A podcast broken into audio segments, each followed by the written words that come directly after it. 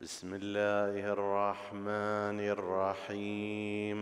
صلى الله عليك يا سيدي يا رسول الله. صلى الله عليك وعلى أهل بيتك الطيبين الطاهرين. صلى الله عليك يا سيدي يا أبا عبد الله الحسين. صلى الله عليك يا سيدي يا أبا الحسن يا علي بن موسى الرضا.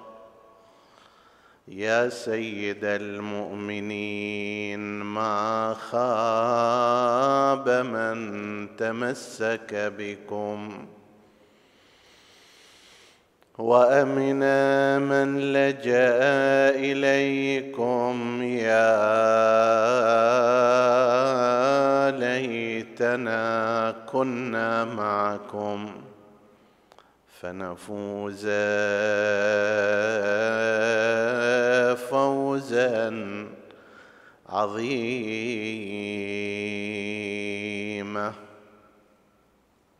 عطروا مجالسكم بذكر محمد وآل محمد.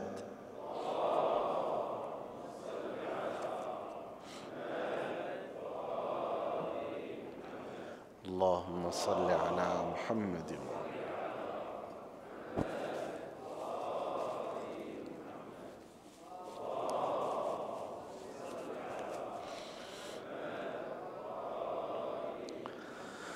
روي عن سيدنا ومولانا أبي الحسن موسى بن جعفر.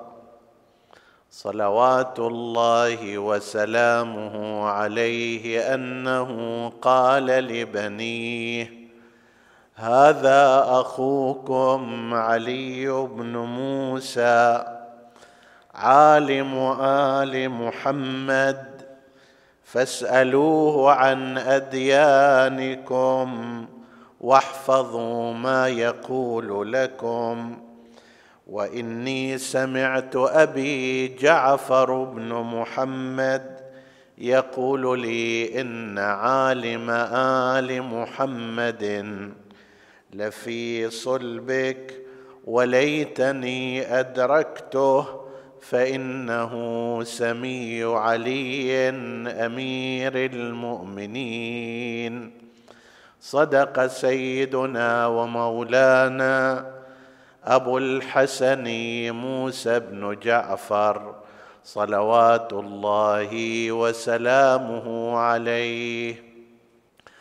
ونتناول في هذه الليلة شيئا عن الجانب العلمي في حياة الإمام الرضا صلوات الله وسلامه عليه منطلقين من هذا الحديث المروي عن الإمام موسى بن جعفر صلوات الله وسلامه عليه. فإنه بحسب هذه الرواية جمع أولاده أو بنيه. الإمام الكاظم عليه السلام أقل ما قيل أن أن أولاده كانوا سبعه وثلاثين وهي الرواية التي أيدها الشيخ المفيد رضوان الله تعالى عليه بينما ذهب آخرون إلى أنهم أكثر من ذلك. وعلى كل حال فأقل ما قيل هو هذا العدد من بين أولئك كان نحو سبعة عشر.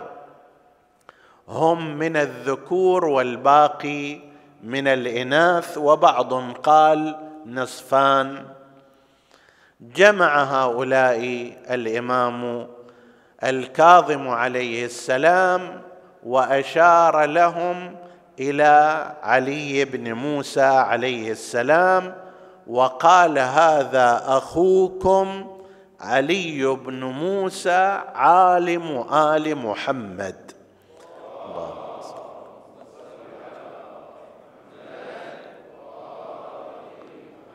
فاسمعوا قوله وخذوا منه.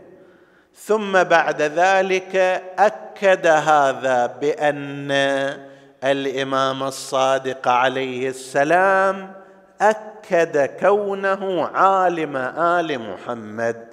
فإني سمعت أبي جعفر ابن محمد يقول هو عالم إن لفي صلبك عالم آل محمد وهو هذا الإمام علي بن موسى ويتمنى الإمام الصادق عليه السلام لو أنه أدرك علي بن موسى الرضا. تصور أن مؤسس المذهب وهو الإمام الصادق وشارح علوم آبائه الطاهرين يتمنى أن يدرك الإمام الرضا عليه السلام بالطبع هذا فيه أيضا إشارة إلى أن وفاة الإمام الصادق عليه السلام سبقت ميلاد الإمام الرضا. فإن فإن شهادة الإمام الصادق هي في سنة 148 على قول كانت في شهر رجب وعلى قول آخر في شهر شوال خمسة وعشرين شوال على كلا التقديرين فإنه لم يدرك ولادة الإمام الرضا عليه السلام باعتبار أن الإمام الرضا إما أنه ولد في سنة 148 ولكن في شهر ذي القعدة أو على قول آخر ولد سنة 153 وأيضا في شهر ذي القعدة. على كلا التقديرين فالإمام الصادق عليه السلام استشهد قبل ولادة الإمام الرضا عليه السلام. هاي من لفتة قوله وليتني أدركته يمكن لنا أن نكتشف أن نكتشف هذا الجانب التاريخي أيضا. تأكيد على أن الإمام الرضا عليه السلام عالم آل محمد وأنه سمي أمير المؤمنين عليه السلام. وهذا إله بحث لماذا التأكيد على المشابهة في الاسم بينه وبين الإمام أمير المؤمنين عليه السلام؟ وهل هو من باب تعريف الاسم وتوضيحه أو هو شيء آخر يشير إلى جانب علمي متميز كان لأمير المؤمنين؟ أيضا جسده الإمام الرضا عليه السلام. هذا إلى بحثه الخاص. تعلمون أن كل أئمة أهل البيت عليهم السلام كانوا علماء. فما الوجه في أن يقال للإمام الرضا عليه السلام بشخصه عالم آل محمد؟ الإمام الصادق أيضا من علماء آل محمد الباقر كذلك السجاد كذلك الحسنان كذلك الجواد والهادي كذلك. أشرنا في بعض الأحاديث إلى أن هذه الألقاب التي يشتهر بها الأئمة سواء كانت من خلال الوحي التلقيب أو كان من خلال الاشتهار الاجتماعي الألقاب غالبا ما تشير إلى الدور الأساس الذي قام به ذلك الإمام. فالإمام السجاد مثلا لأنه أخذ الجانب العباديه وتعليم الناس علاقتهم بالله وعبادتهم لله عز وجل اشتهر بزين العابدين وسيد الساجدين وأمثال ذلك السجاد وهكذا الحال بالنسبة إلى الإمام الباقر والصادق. الإمام الباقر حيث أنه استخرج العلوم من الباطن إلى الظاهر وعرضها على الناس فإنه كان الباقر الذي يبقر بطن العلوم ويستخرجها لعامة الناس. والصادق عندما جاء ونشر هذا العلم قسم من أتباع مدرسة الخلفاء شككوا في أن من أين لجعفر هذه العلوم؟ وهل يأتي بها من عنده أو يرويها عن آبائه؟ وأين أسانيده؟ استغرب بعضهم كيف أن لهذا العالم أن يحيط بكل هذه العلوم؟ فكأن هناك شكا عند بعضهم في انتحال بعض الكلمات فيقال لا هذا هو الصادق الذي لا يتخطى الحق ولا الواقع. فهي إشارات. الإمام الحسن سوف يتعرض لحملات تشويه لشخصيته ولدوره ولعمله. هاي الشبهات هذه الحملات المضادة يرد عليها بكلمة واحدة هو الزكي. الزكي الذي لا يصل إليه التلويث ولا التشويه ولا تخريب الشخصية. لما نجي إلى الإمام الرضا عليه السلام الدور العظيم الذي قام به هو الدور العلمي وهذا للأسف لم يوضح بالشكل الكامل.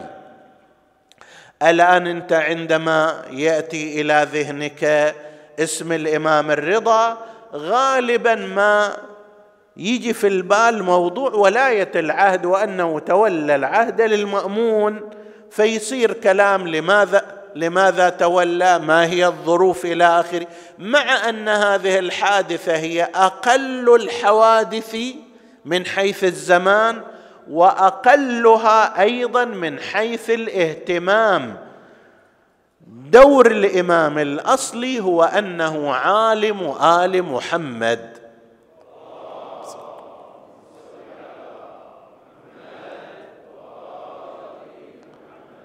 خلينا نشوف العلائم والقرائن على مثل هذا الأمر. الجهة العلمية في الإمام عليه السلام والدور اللي بث فيه العلم. ملاحظة ربما ذكرناها في سنوات سابقة بس إشارة الها يعتقد الباحثون أن النهضة العلمية في عالم التشيع وهي النهضة العلمية الإسلامية مرت بثلاث مراحل.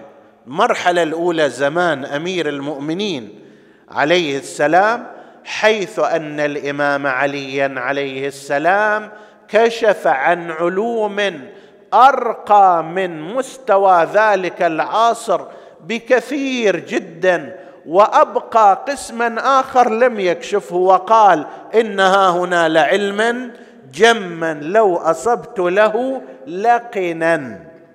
لو أشوف واحد يقدر يتحمل كل هذا كنت أحوله. مع أنه أعطى من العلم مثلا لابن عباس وهو حبر الأمة والمفسر الأكبر للقرآن في زمانه باتفاق الفريقين أعطى له من تفسير سورة الفاتحة ما ما ينوء به البعير حملا.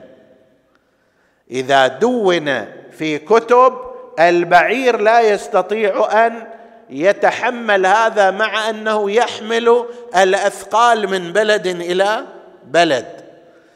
هذا مع أن الإمام عليا عليه السلام لم يكشف عن كل ما كان ينبغي أن يكشفه.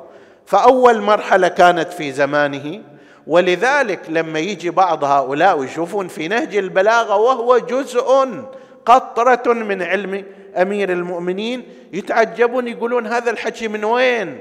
ولذلك بعض علماء مدرسة الخلفاء شككوا في نهج البلاغة وقالوا أنه كيف؟ هذا العلم ما حد يعرفه في ذلك الزمان لا الصحابة ولا التابعون ولا هم في مستواه أصلا. هو هذا دليل على أنه من علي بن أبي طالب باب مدينة علم رسول الله صلى الله عليه وآله. المرحلة الثانية كانت مرحلة الباقرين عليهما السلام.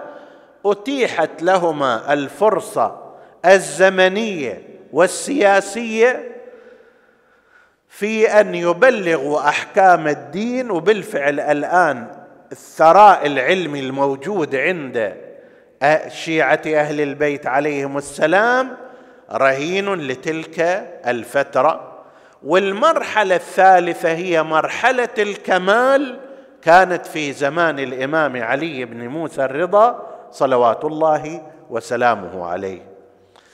الإمام الرضا بنى اللبنات المكملة لما سبقه. ووضح المبهمات في كلام الصادقين وأمير المؤمنين بل سائر الأئمة وجعل الحديث والروايات شبه المحكمات وضع عليها الخطوط النهائية. أكمل منها ما كان ناقصا بحسب البيان وصحح فيها ما كان مجهولا عند السامعين هذا في زمان الإمام الرضا عليه السلام. خلينا نشوف بعض القرائن على ذلك. على دوره العلمي المتميز الذي يستحق بواسطته أن يقول والده الإمام الكاظم عليه السلام وجده الإمام الصادق عليه عليه السلام يقولان هو عالم آل محمد وكأنهما يشيران إلى هذا الدور. اولا نستطيع أن نعرف هذا الدور من خلال عدد التلامذة والرواة الذين أخذوا منه العلم. وهذه طريقة عرفية وعقلائية. نقول فلان عالم مثلا درس على يده ألف طالب. يتبين هذا كان مشغولا في فترة طويلة من الزمان بالتعليم والتدريس. هذه أحد القرائن. لما نروح إلى أصحاب الإمام الرضا عليه السلام نجد أن بعض المؤلفين كالمرحوم الشيخ باقر شريف القرشي يقول كانوا نحو ثلاثمائة وسبعين راويا وتلميذا. ثلاثمائة وسبعين من الرواة والتلامذة أخذوا عن الإمام. الرضا عليه السلام العلم.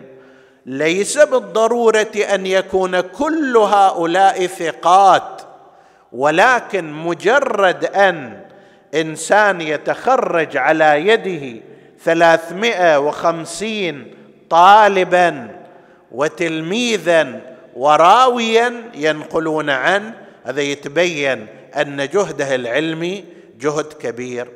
هذا ما ذكره شيخ القرشي رحمه الله لكن صاحب كتاب الجامع لأصحاب الإمام الرضا عليه السلام الشيخ محمد نجف يقول لا بحسب التتبع كانوا ثمانمائة وثلاثين راويا وتلميذا أخذوا عن الإمام الرضا عليه السلام العلم. ثمانمائة وثلاثون شيء كبير جدا وعظيم جدا يبين هذا لنا أن انشغال الإمام عليه السلام بالتعليم والتثقيف والتدريس ونشر العلم كان شيئا كبيرا. هذا واحد من القرائن. ثمانمائة وثلاثون بناء على هذا الإحصاء والتتبع الآخر يعتبر شيئا كبيرا جدا. قرينة أخرى الفترة الزمنية. الفترة الزمنية التي عاشها الإمام الرضا عليه السلام وكان مشغولا فيها بالدرجة الأساس بالتعليم والتدريس حيث بدأ الإمام عليه السلام وهو دون العشرين في مسجد رسول الله صلى الله عليه وآله. وفي الرواية عنه كان الرجل يأتي ويسأل من الناس في المسجد فإذا عجزوا عن سؤاله وجوابه أحالوه على الإمام فأجاب عليه. هذا قبل العشرين. لا يزال والده الإمام الكاظم عليه السلام على قيد الحياة ولا يزال هو الإمام الفعلي الناطق. ولكن مع ذلك كان الإمام الرضا عليه السلام قبل العشرين من العمر يجلس في مسجد رسول الله صلى الله عليه وآله ويجيب على الناس ما استعصى عليهم من الأسئلة والإشكالات. لو بس تفرض من سنة من عمره عشرين إلى عمره خمسة وخمسين على بناء على ولادته سنة 148 يصير عمر الإمام 55 سنة عندما استشهد سنة 203 هجرية. شيل منها ثلاث سنوات مثلا أيام اللي كان في مرو. ما قبل ذلك كله كان في المدينة وهي فترة تمتد من ما قبل العشرين من العمر إلى نحو 52 من العمر يعني 32 سنة من الزمان هي فترة إجابته على الأسئلة وتعليمه وتربيته وتدريسه وما شابه ذلك. 32 سنة مستمرة منها ما قبل إمامته ومنها ما بعد إمامته سنة 183 هجرية على أثر شهادة أبيه الإمام الكاظم صلوات الله وسلامه عليه. يعني من 183 إلى 203 عشرون سنة وهو في مرحلة الإمامة الفعلية يبلغ أحكام الله وقضايا الدين ومعالم الشريعة. المجموع كلها يزيد على 35 سنة بل أكثر من ذلك. فترة زمنية طويلة جدا تعتبر حتى فترة بقاءه في مرو وطوس. الإمام عليه السلام حول تلك الفترة بدل أن يشغل بالأمور الإجرائية والسياسية لأنه اشترط من أول يوم على المأمون رفض اولا ولاية العهد فأصر عليه تحت تهديد الاغتيال. عندها قبل بشرط أن لا يولي ولا يعزل ولا يتكلم في أمر ولا غير ذلك. ما ما تدخل في الأمور هذه. المأمون كان يريد يشغله بهذا اليوم هذا الوالي نريد نعينه ذاك باكر نريد نعزله هذا جيبوه ذاك ودوه وشغلها بشغل الإمام به الإمام قال أنا ما أتولى أي شيء من هذا حتى لا يشغله عن دوره الأساس وأيضا حتى لا يكتسب المأمون من أعمال الإمام الرضا هذه في التعيين والعزل المشروعية الدينية. الإمام كان واعي لذلك.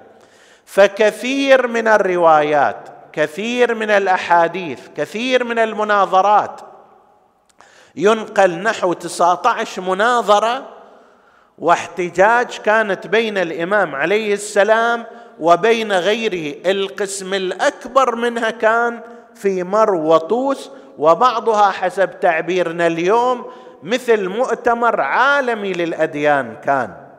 مؤتمر عالمي حضره رئيس الجاثليق يعني رئيس الكاثوليك ورئيس رأس الجالوت رأس اليهود والهربذ الأكبر رأس المجوس وعمران الصابي رأس الصابئة وبالإضافة إلى المذاهب الإسلامية والفلاسفة الملحدين كل ذول حضروا والإمام الرضا عليه السلام هو محط السؤال وعليه تتوجه الأنظار ويجيب كل واحد بما يستحقه.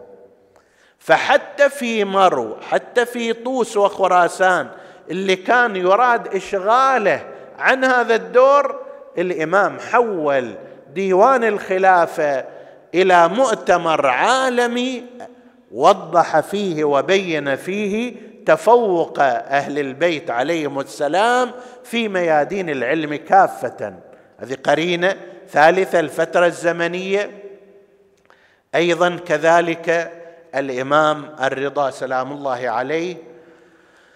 ما نقل عنه أيضا يشير إلى ذلك. المقدار اللي وصل إلنا وهو ليس كل ما قاله الإمام الرضا عليه السلام. عندنا من الكتب مسند الإمام الرضا للشيخ عزيز الله العطاردي في مجلدين ضخام حشد فيه عدة آلاف من الأحاديث والروايات في أبواب مختلفة. في المنهج العلمي وسنتعرض إلى جانب منه في أبواب القرآن في أبواب الفقه في أبواب الأحكام الشرعية في علم الكلام والعقائد في الاحتجاجات والمناظرات كلها هذه نقلها في كتاب مسند الإمام الرضا عليه السلام في مجلدين ضخام. مثل ذلك أيضا صنعه الشيخ الصدوق رضوان الله تعالى عليه في مجلدين ضخام بعنوان عيون أخبار الرضا. عيون أخبار الرضا إذا تريد نمثلها الآن مثل أن واحد يقول أنا ما أقدر أقرأ لك كل الأخبار أجيب لك أهم الأخبار. الأخبار المهمة أجيبها لك هذه تسمى عيون الأخبار أهم الأخبار.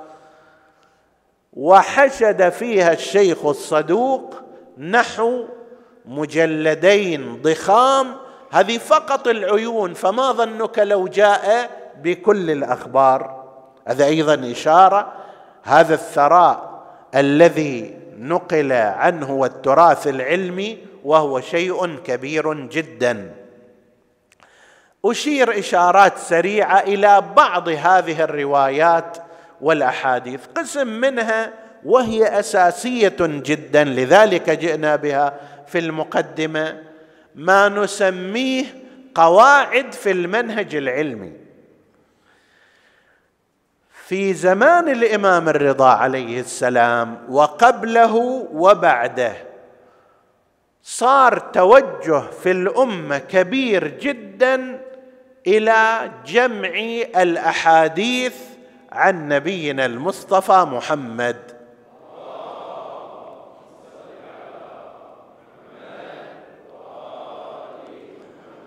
من حوالي منتصف القرن الثاني والقرن الثالث فصاعدا بدأت حركة التدوين عند أتباع مدرسة الخلفاء.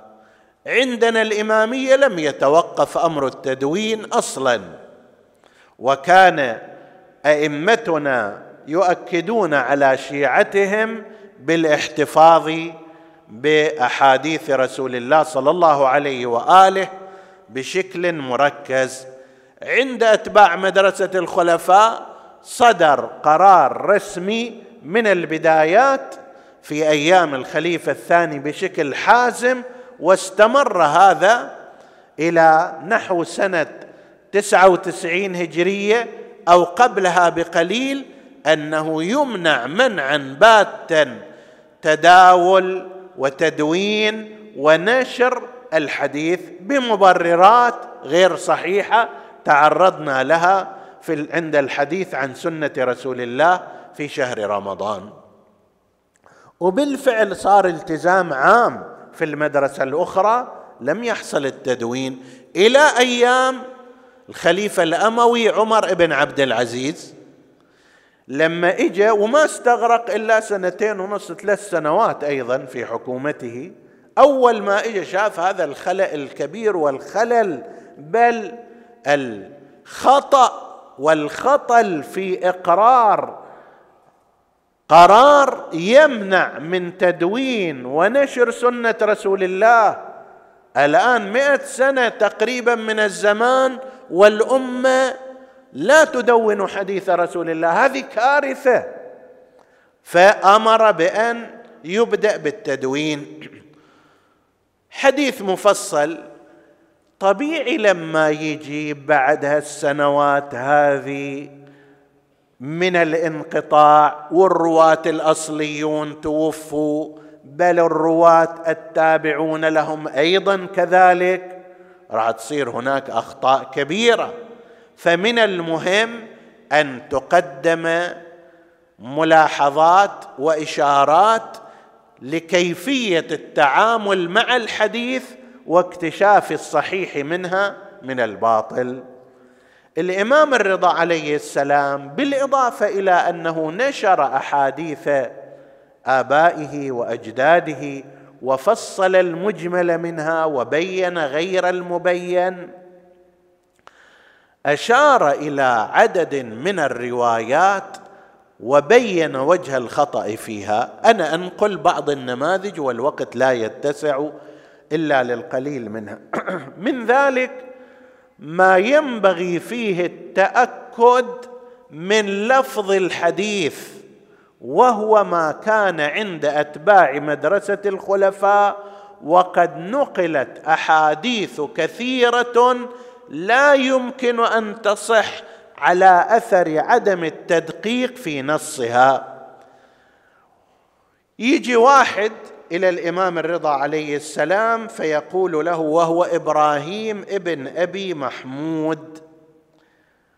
قال للإمام الرضا ما تقول فيما يقوله الناس؟ هذا تعبير على أن هذا حديث شائع في المدرسة الأخرى. إن الله ينزل كل ليلة إلى السماء الدنيا فيقول ألا من تائب يتوب فأغفر له ألا من فأتوب عليه ألا من مستغفر يستغفر فأغفر له. ما تقول في هذا الحديث؟ فقال الإمام الرضا عليه السلام لعن الله المحرفين الكلمة عن مواضعه ما قال رسول الله هذا. بل قال إن الله عز وجل ينزل ملكا كل ليلة في آخر الليل وليلة الجمعة أول الليل فينادي ألا من تائب يتوب فأتوب عليه؟ ألا من عن الله عز وجل؟ ألا من مستغفر يستغفر الله فأغفر له؟ يا طالب الخير الخير أقبل ويا طالب الشر أقصر فلا يزال كذلك إلى الصباح ثم يصعد إلى السماء. هذا ملك الله ينزله. الفرق الكبير بين هذا وبين ذاك أن ذاك ينتهي إلى التجسيم. وإلى نسبة الحركة والانتقال إلى الله وأنه مره يكون والعياذ بالله في السماء السابعة بعدين ينزل إلى السماء الدنيا يعني فرغت منه السماء السابعة. وهذا في العقائد نقص فاحش وغلط كبير. وين هذا؟ وين ذاك؟ إن الله ينزل ملكا هذا الملك ينادي عن الله عز وجل لا محذور في ذلك من الناحية العقائدية. فانت تلاحظ أن هذا الحديث طبعا موجود إلى الآن في مدرسة الخلفاء موجود ويعتقدون به وربما يدرس في المناهج الرسمية في بعض الدول. فاذا الإمام يجي اولا يضع ملاحظة على بعض الأحاديث وهي كثيرة جدا. النوع من السؤال تكرر وهذا مثال ونموذج. أحيانا يصير أن الحديث ينقل ولكن ينقل بشكل ناقص فيعطي معنى خاطئ حتى في العقائد. من ذلك ما نقل أن الإمام عليه السلام سئل هذا السؤال من قبل الحسين ابن خالد. قال قلت له سيدي يروون إن النبي قال إن الله خلق آدم على صورته. فشلون آدم صورته إلى يد إلى رجل إلى عين إلى أنف إلى فم إلى صدر إلى فرج إلى كذا؟ الله خلق آدم على صورة الله فاذا هالأشياء أيضا موجودة عنده. طيب فقال عليه السلام قاتلهم الله. لقد حذفوا أول الحديث على أثر إما تعمدا هذا صار وإما لا على أثر هالانقطاع وهالقرار الباطل من زمان رسول الله وما بعده إلى الأزمنة المتأخرة فضاعت الأحاديث ونسي بعضها وقطع بعضها. قال قاتلهم الله لقد حذفوا أول الحديث فإن النبي مر على رجلين يتسابان وأحدهما يقول لصاحبه قبح الله وجهك ووجه من يشبهك. فقال له يا عبد الله لا تقل هذا فإن الله خلق آدم على صورته. وين هذا الكلام؟ وين ذاك الكلام؟ ذاك الكلام ينتهي إلى جعل الله عز وجل كأنه مخلوق من المخلوقين وعلى شاكلة المخلوقين. وهذا يقول لك لا انت لا تسبه وتقول له قبح الله وجهك ووجه من يشبهك. ليش؟ لأن وجه من يشبهه آدم إبراهيم موسى عيسى كل الأنبياء هذولا يشبهون وجهه. فأنت إذا تقول الله يقبح وجه من يشبهك يعني تقبح وجوه هؤلاء كلهم. واحيانا يحتاج الحديث إلى معنى حتى يخرج عن إجماله. مثل الحديث المشهور عند الإمامية وعند غيرهم لكن هذا يحتاج إلى إلى شرح وإلى بيان. وهو مثلا حديث سلسلة الذهب المعروف أن الإمام عليه السلام لما مر على طريق نيشابور الأهواز نيشابور ولم يمروا به على طريق الكوفة والعراق باعتبار وقم باعتبار أنه تلك المناطق مناطق شيعية فيخشى من تعلق الناس وزيادة انتمائهم مرروه على هذه المنطقة التي ليس فيها وجود شيعي واضح في تلك الفترة. فلما وصل إلى نيشابور خرج إليه الحفاظ وقالوا يا ابن رسول الله حدثنا عن جدك حديثا. لاحظوا حتى في نفس هذا الكلام يبين أن هؤلاء لم يكونوا يعتقدون بإمامة الإمام يتعاملون مع الإمام باعتباره شنو؟ راوي عن الرسول. بينما هو كالرسول في حجية قوله. إحنا لا نعتقد أن الأئمة منزلتهم منزلة الرواية عن رسول الله. هاي منزلة عادية لكل إنسان يستطيع أن يروي عن رسول الله إذا كان حاضرا وسمع منه لكن هذا إمام حجة عندما يقول شيئا ما يحتاج أن يقول هذا أنا أرويه عن رسول الله لأن حديثي حديث أبي وحديث أبي حديث جدي وحديث جدي حديث رسول الله صلى الله عليه وآله. ما أحتاج إلى أن تطالبني بسند. ولكن لأن الحاضرين في ذلك الوقت كانوا يتعاملون مع الإمام باعتبار أنه راو من الرواة قالوا حدثنا عن رسول الله. فحدثهم عن أبيه موسى عن أبي عن جده جعفر عن محمد بن علي عن السجاد عن الحسين عن أمير المؤمنين عن رسول الله عن الله عز وجل أنه قال لا إله إلا الله حصني ومن دخل حصني أمن من عذابي. زين. الآن واحد يقول لا إله إلا الله خلاص يدخل حسن الله ويأمن من العذاب. قال لا. ثم أخفى رأسه قليلا وأطلعه مرة أخرى وقال بشروطها وأنا من شروطها.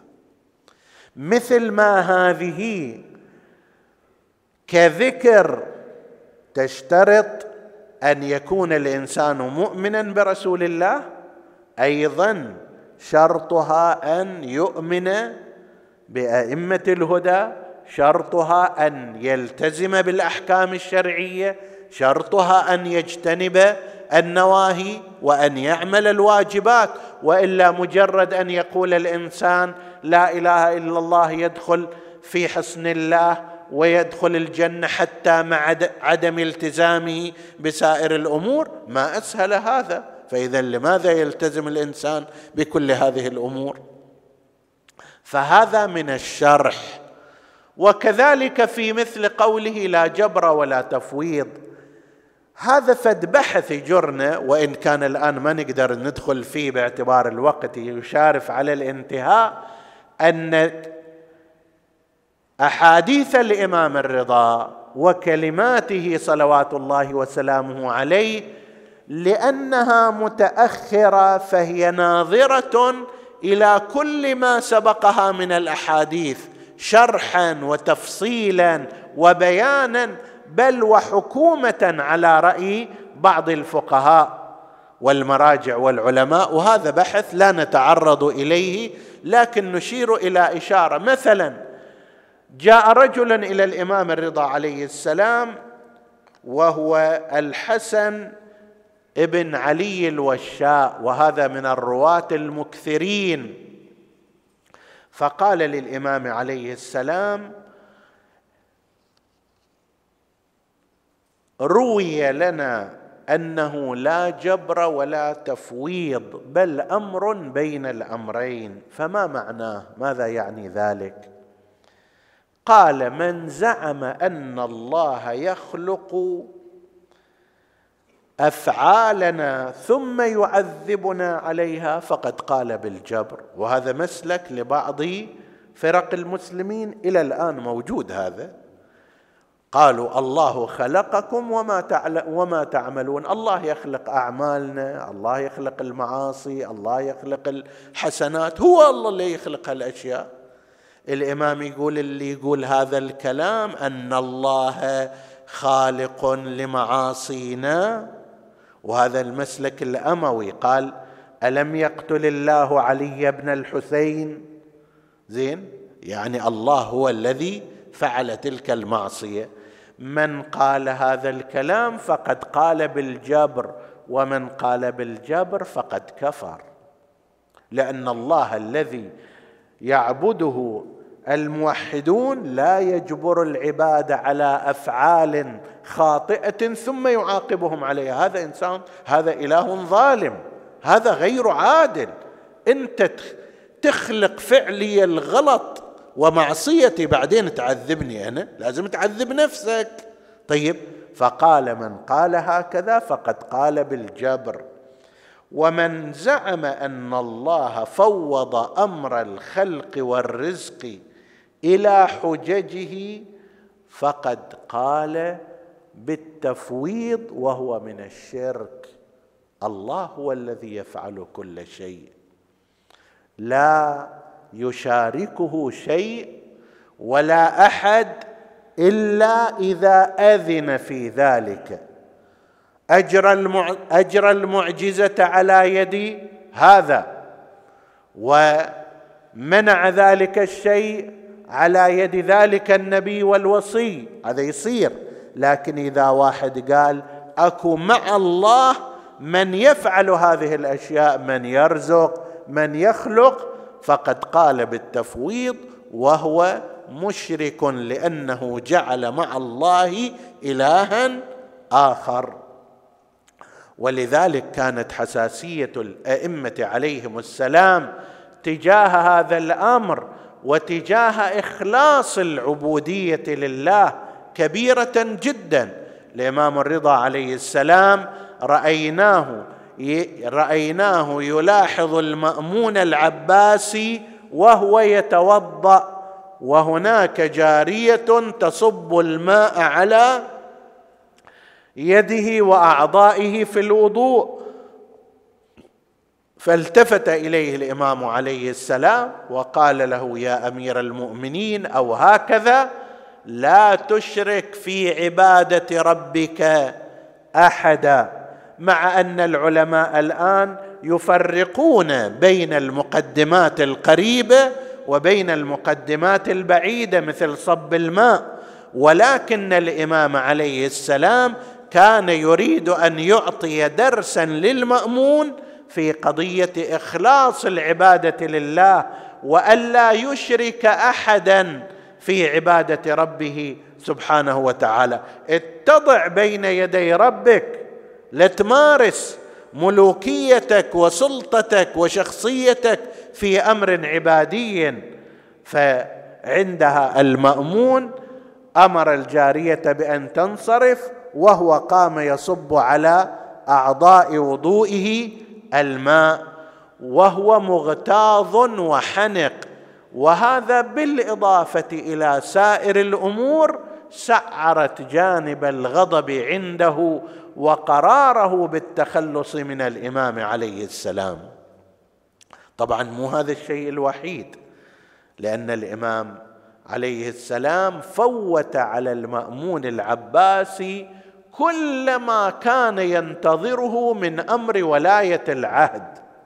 وخلاه ما ينتفع بهذا الشيء وإنما رأى المأمون أنه خاسر في هذه الصفقة لحكمة الإمام الرضا عليه السلام في التعامل مع هذا الموضوع وأنه أي المأمون لم يصنع شيئا في الحد من انتشار الإمام وتعليم الناس وقيامه بأدواره وإنما بالعكس عادت الأمور عكسية على المأمون العباسي حتى كان الناس يقولون إذا كان هذا الإمام الرضا وعنده هذا العلم والمعرفة فلماذا لا يكون هو الخليفة وهو الإمام؟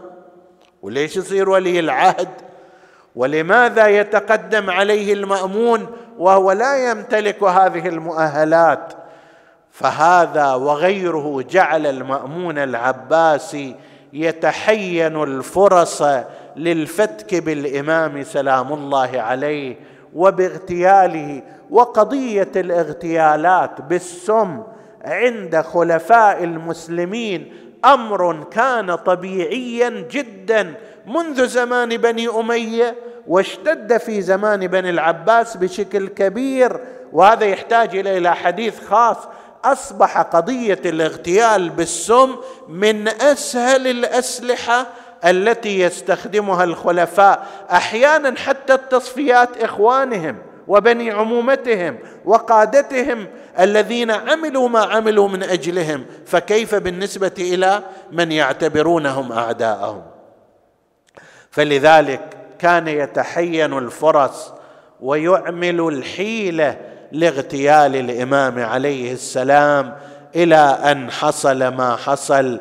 قال أحد غلمان المأمون أمرني المأمون أن أطيل أظفاري وجاء لي بشيء من الرمان حتى أعجنه بهذه الأظفار التي قد غمست بالسم ثم بعد ذلك بعدما عجن جعل في طبق وقدم إلى إمامنا علي بن موسى الرضا سلام الله عليه.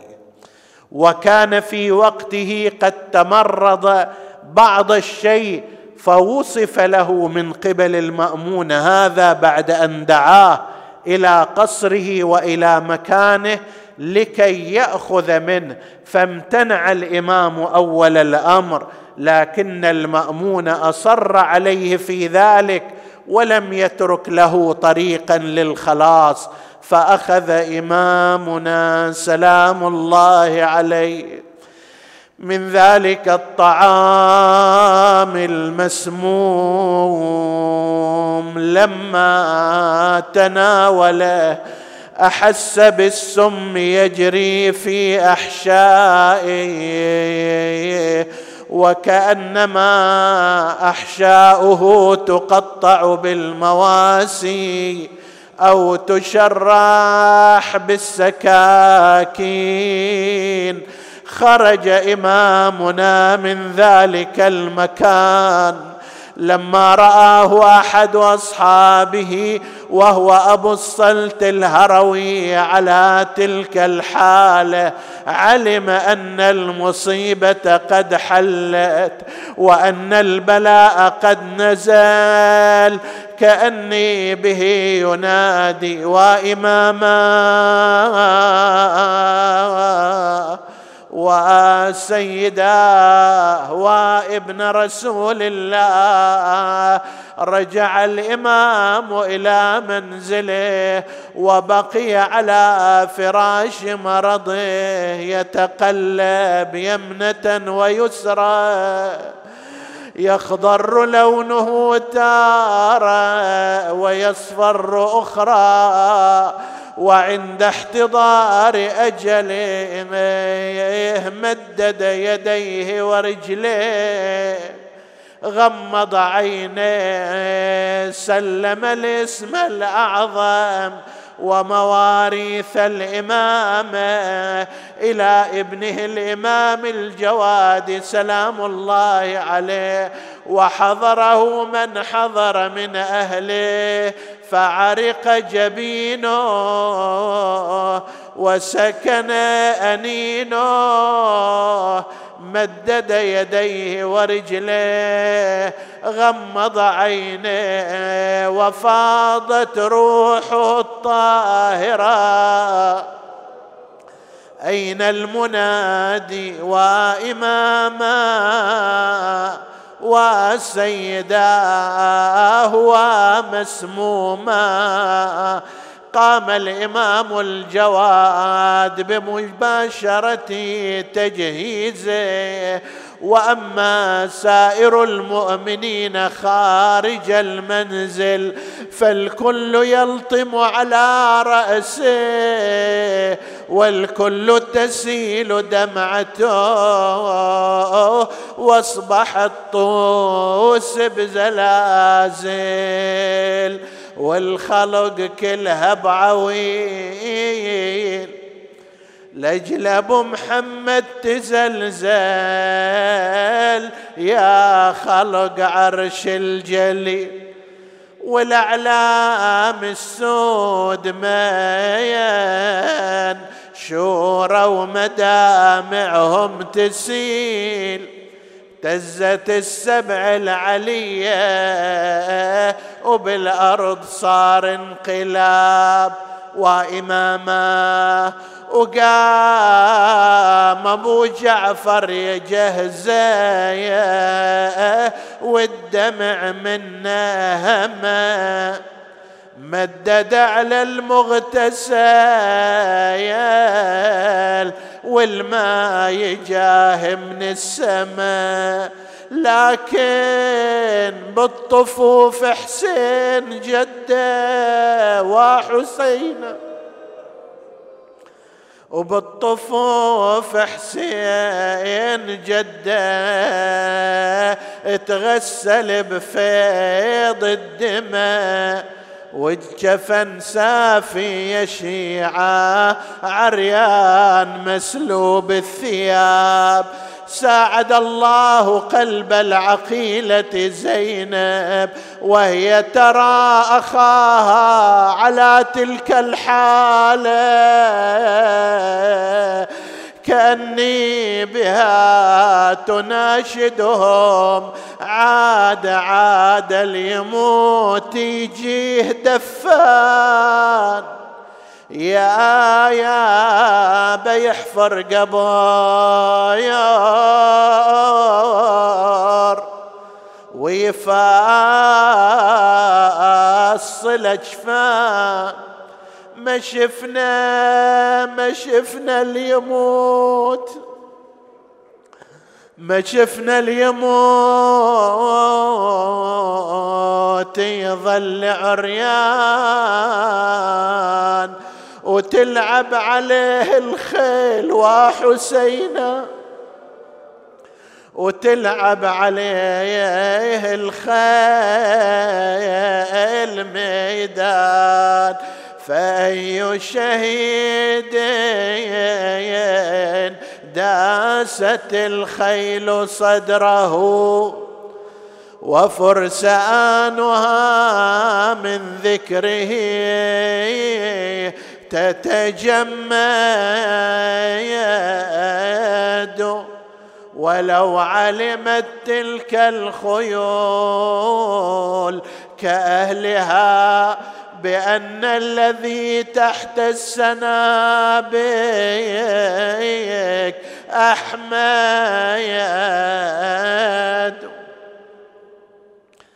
نسألك اللهم وندعوك باسمك العظيم الأعظم الأعز الأجل الأكرم يا الله. اغفر لنا ذنوبنا كفر عنا سيئاتنا. آمنا في أوطاننا لا تسلط علينا.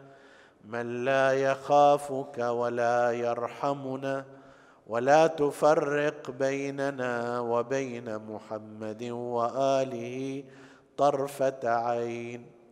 احفظ اللهم إخواني السامعين فردا فردا اقض اللهم حوائجهم واشف مرضاهم لا سيما المرضى المنظورين. ومن أوصانا بالدعاء. وادفع اللهم هذا الوباء عن عبادك يا رب العالمين. تقبل اللهم عمل المؤسسين بأحسن القبول إلى أرواح موتاهم وموتى السامعين. نهدي ثواب الفاتحة تسبقها الصلوات.